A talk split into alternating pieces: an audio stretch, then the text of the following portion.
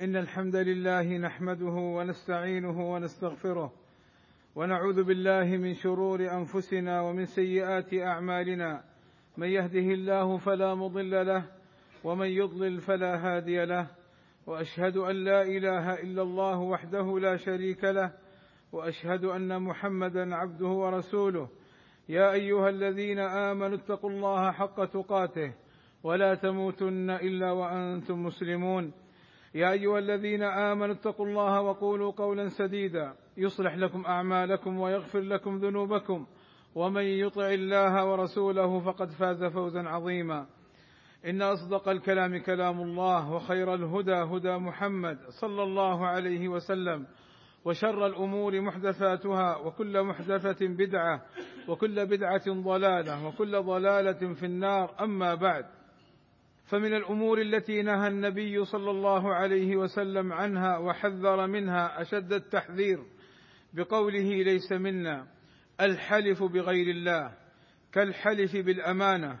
قال صلى الله عليه وسلم ليس منا من حلف بالأمانة.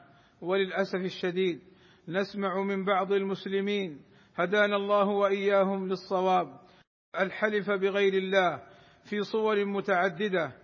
كقولهم بالأمانة امانتي أمانة وذمتي والنبي ورأس فلان وعيالي إلى غير ذلك من الحلف بغير الله وكلها حرام.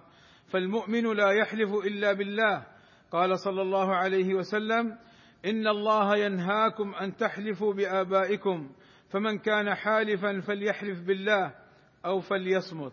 والحلف بغير الله شرك قال صلى الله عليه وسلم من حلف بغير الله فقد أشرك. والحلف بغير الله يكون شركا أصغر إن كان مما يجري على اللسان دون قصد تعظيم المحلوف به. فإن كان الحلف بقصد تعظيم المحلوف به فهو شرك أكبر. قال صلى الله عليه وسلم من حلف منكم فقال في حلفه واللات والعزى فليقل لا إله إلا الله أي ذلك تكفير له.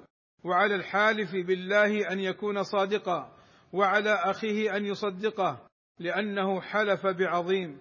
قال صلى الله عليه وسلم لا تحلفوا بآبائكم من حلف بالله فليصدق ومن حلف له بالله فليرضى ومن لم يرضى بالله فليس منا.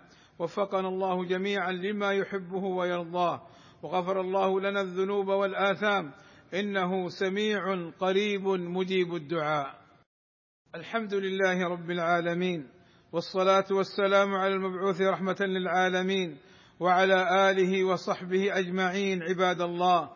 من الأمور التي نهى النبي صلى الله عليه وسلم وحذر منها أن يدعي المسلم شيئا ليس له.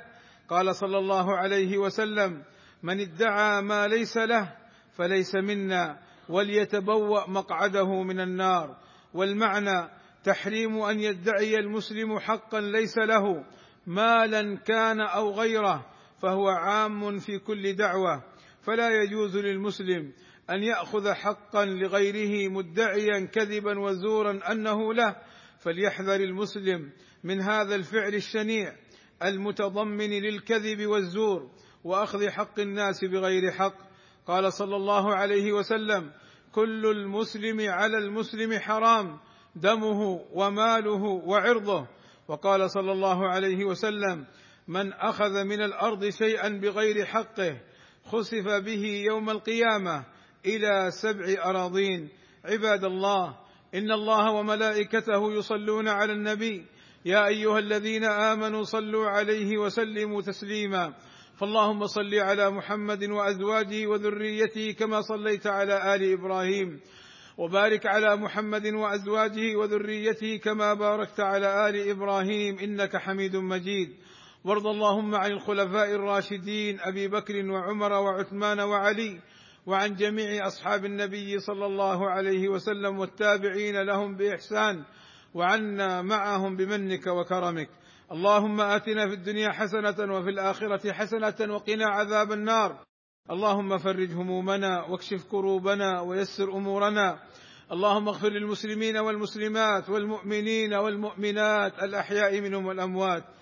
اللهم وفق ولي أمرنا الملك سلمان بن عبد العزيز وولي عهده الأمير محمد بن سلمان لما تحبه وترضاه وأصلح بهما البلاد والعباد واحفظهما من كل سوء. اللهم أيدهما بتأييدك ووفقهما بتوفيقك وأعز بهما الإسلام والمسلمين والصلاة والسلام على المبعوث رحمة للعالمين والحمد لله رب العالمين